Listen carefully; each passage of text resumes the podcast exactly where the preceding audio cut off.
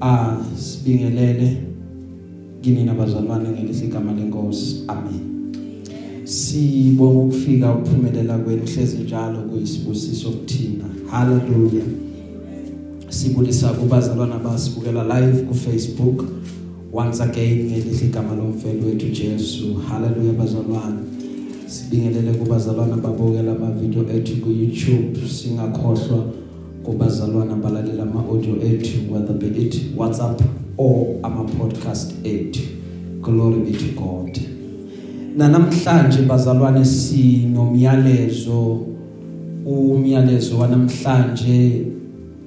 Inkosi ngitshela manje ukuthi ngazuthi kumele ukuba siuqhube bazalwane. So okuzokwenzeka ke na ukuthi namhlanje sizothi nje fahla fahla iintroduction. Haleluya siyathemba ke kumsizi wethu moya engcwele ukuthi next week bazalwane si sizobese siyawuqhubha ngokusizwa inkosi. Amen.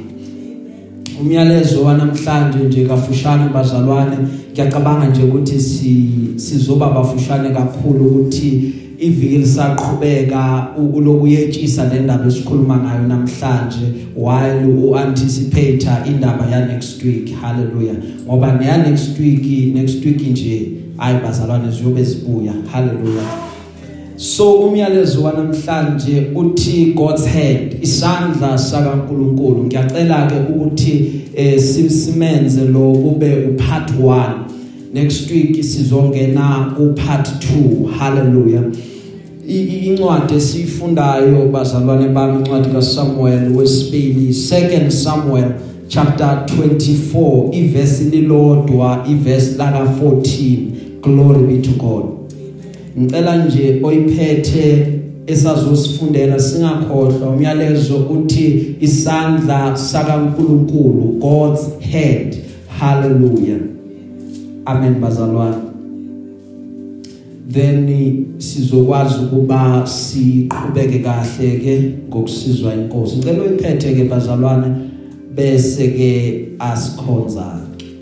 2 Samuel chapter 24 verse 14 glory be to God. 2 Samuel chapter 24 verse 14 yes.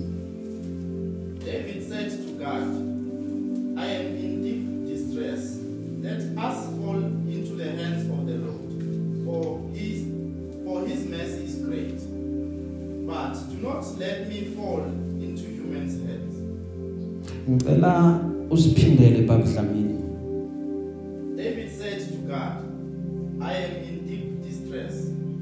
Let us fall into the hands of the Lord for his mercy is great. But do not let me fall into human hands. Glory be to God. Amen. make dlamini cela usifundele lona ngesiswati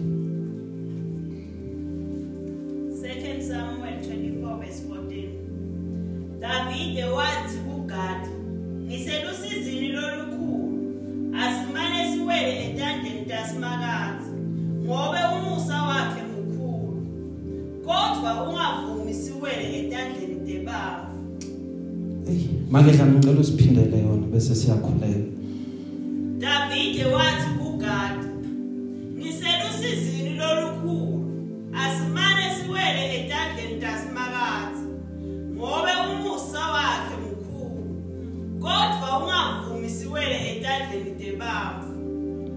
sizovala nithina sonke amehlo. Lingoqobo liyaphila liphefumulelwe nguwe. Nakule ntambama namhlanje khuluma ngalo phinde usuthise umphefumulo wethu. Vula ke Nkosi indlebe zethu khulume kanye maqeda bese sikuzwa kabili. ngoJesu Kristu lo inkosi yethu bese uyakhazimuliswa kuyona le ndawo kanye nasezimpilweni zethu. Amen. La sifunda khona bazalwane ngicela nje for the sake of today ngibypass indaba ye context ngingangeni ku context ukuthi kwenzakalani kwenzakalani kwenzakalani. Ngicela nje sike siyeke however sibuke iverse lilodwa. Hallelujah. Uma uma silibuka iverse lilodwa into uDavide ayivezayo noma ayilethayo uthi uma ekhuluma noGad ofika amlethela umyalezo uthi God ngiselusizini kakhulu. In other words uthi God I'm in a desperate situation now. Lesi simo lesi kunento esiyidingayo kune cost eba involved kulesi simo ngoba each and every time bazalwane kunesimo kune predicament thize kunama cost thize efanele ukuthi alandele ngoba each and everything eyenzakalayo empilweni ikhosta okuthile. Hallelujah. Now ulithi uthi uDavid now kulesi simo engikusona I am very desperate. Now you understand ukuthi esimeni somuntu la umuntu a desperate khona angenza noma ngayini angahamba nganoma ngayini evelayo. Why? Because u desperate in other words uma bekanendlela yokwazi ukuthi ayisize bekade ezoyisiza but ayikho indlela yokwazi ukuthi ayisize that is why azafika to that point of being desperate. Now uthi umebuka athi la ngi desperate and i need help. Ngidinga okuthile ongafika kulesi simo ukuze izinto zizoguquka ukuze izinto zami isimo sami sizoshintsha. Now lithi ke iBhayibheli uma eqhubeka ekhuluma uDavide uthi nginosize usizi lwami likhulu. However now na into ekhona ukuthi it's either ngiya kumuntu noma ngiya enkosini. Now uthi uDavide uma ekhuluma sengimbonile umuntu ukuthi unjani. Umuntu angithi bantwana basekhaya isidalwa sakaNkuluNkulu udalwe uNkulunkulu. Uthi uDavide umuntu ngihlale naye umuntu ngiye ngamstudisha ukuthi kunezinto kumuntu mani ezingangikhipha esiporweni. Kunezinto kumuntu ezingenza ukuthi ngingasambuki ngaleliso ebekade ngimbuka ngale eqaleni kunezinto engashintsha iperspective yami yokumbuka umuntu. However kukhona esinye futhi isandla ngoba uyakhumbula kwathiwa asenze umuntu ngomfanekiso wethu afane nathi asifuze. So lo omdali naye unesandla. Kukhona isandla sakaNkuluNkulu esingafani nesabana. Uthi uDavide uma ngibuka noma icalamity ngeza if izoza ngesandla somuntu ngiyayibonga. However uma icalamity imizoza ngesandla sakasimakade i would rather accept ekasimakade kunokuba ngamkele eyomuntu. Ngoba uthi uJob umekhuluma usimakade noma engangibulala ngiyothemba yena. In other words anginayo enye indawo engabalekela kuyona. Uma ngayanga uNkulunkulu uNkulunkulu ngimthole ewusizo ngezikhathi zobunzima. Isandla sakhe sihlukile kunesandla somuntu. Haleluya uthi uDavide kathi ngikusimo esi very desperate. So ukuthi ngiwele esandleni somuntu cha mfowethu uzongixolela.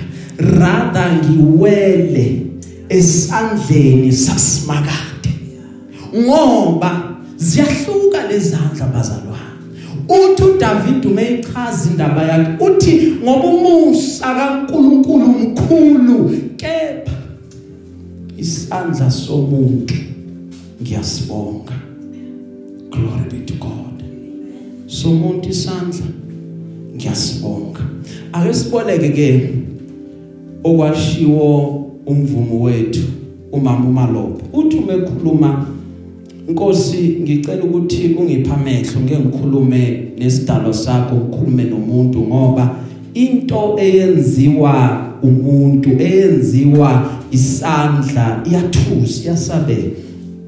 Uthi uRebecca isandla siyakwazi ukuthi sikubhambathe uzwe eh, imizwa yomzimba igijima. Uzwe ukuthi hawu isandla siyakwazi ukuthi silalise usana oluncane the very same hand somuntu isona kanye esikwazi ukuthatha ushevu siyofaka ekudleni sibulale siuqede wonke umndeni. Athi amakhaya ethu weyihlobo nabangani manje avalwe ngamahlathi ingoba isandla somuntu isandla somuntu uthi umuntu ekhala athi uyamlimaza but sona siyochubeka sihlabe chitheke igada. That is why waze wabhala lowo mthandazo wawenza waba ingoma ngoba yebazalwane isandla somuntu. Siyinkinga. Haleluya isandla somuntu siyiproblem. Ngoba umuntu wenza yonke into with esakhe isandla haleluya asabuza umntaka maloba athi ngabe kwenze njani ngezandla zethu? Ngoba namhlanje imize eminingi ikhalibhungani kungenxa yezandla zethu. Athi maqeda mzalwane wami vula isandla sakho usibhekisise. Ngabe isandla seqiniso na? Ngabe isandla sakho isandla seyinyembezi na? Isandla sakho senza siyasiza noma siyabulala? Siyakha noma siyabhidliza. You need to check ukuthi isandla sakho senzani mntaka baba ngoba uthi uNkulunkulu sesigcina ngatshala ungumvini omuhle. Sophenduke nini? Ngoba abantu yebantwana basekhaya bahamba bahambe benze izinto ezisabekayo sithi noma sikhuluma sithi kubi kulezi insuku ngoba abantu balezi insuku izinto abazenzayo ziyashaqisa. And lezi zinto abantu bazenza ngezabo izandla. That is why uDavid athi esomuntu isandla ngiyasibonga. Khona isandla abantwana basekhaya esinomusa. Khona isandla esinomhawu esikuzwelayo othi noma sewonile uNkulunkulu angakuvuzi njengokwamaqala akho. Khona isandla mntana sekhaya othi umukhala ulibiza igama lakhe maqeda simakade besuyezwa besathumela isandla sakhe ngoba ushilo ezwini lakhe wathi isandla sakhe asifinyeziwe. In other words siyafika yonke indawo. Isandla sakhe sinamkhawulo isandla sakhe sina limit noma abantu bakhulume bathini noma abantu bakurayithe off empilweni ngenxa yezimo zakhe eziningi engapheli but kunesandla abantwana basekhaya othi uma usuthole sona bese kuyabonakala ukuthi akahambi yedwa lona. Kepha kunesandla simthwele abanye babuze ukuthi uphume kanjani kulesiya simo uphume kanjani kule yangozi usaqhubeka kanjani? Ngoba umtshelile izolo wathi amandla kasanawo. Uzwa amandla mphelele endleleni. Bengicabanga ukuthi depression yoqeda ngaye. Bengicabanga ukuthi anxiety yoqeda ngaye. But kwaba khona into emphephethayo ebusuku. Kwaba khona into ethinta ama shoulders akhe. Ethi qhubeka. Isandla leso sakaNkuluNkulu othi noma ungayiboni future yakho ukuthi yoba yinhle yoba njani ngenxa yokuthi izimo ziphambene nawe manje. But isandla senkosi sithi ngizokuthwala isandla sakaNkuluNkulu sithi ngizokutshatha ingakho uDavid athe somuntu ngiyasibonga ngoba umuntu uhamba hamba kubalisele uye lo yenimbonayo bekade adla mina bekade ageza mina bekade ngimsiza isandla somuntu. Sineyinkulumo uma umuntu efanele akuphushe ukuthi uphumelele athi ayakwazi ukuthi aphumelele lona fanele kuvuke mina. Ngesandla sami ngizoligodla usizo lwami ngoba isandla somuntu. Singaphakama thina sonke bazalwane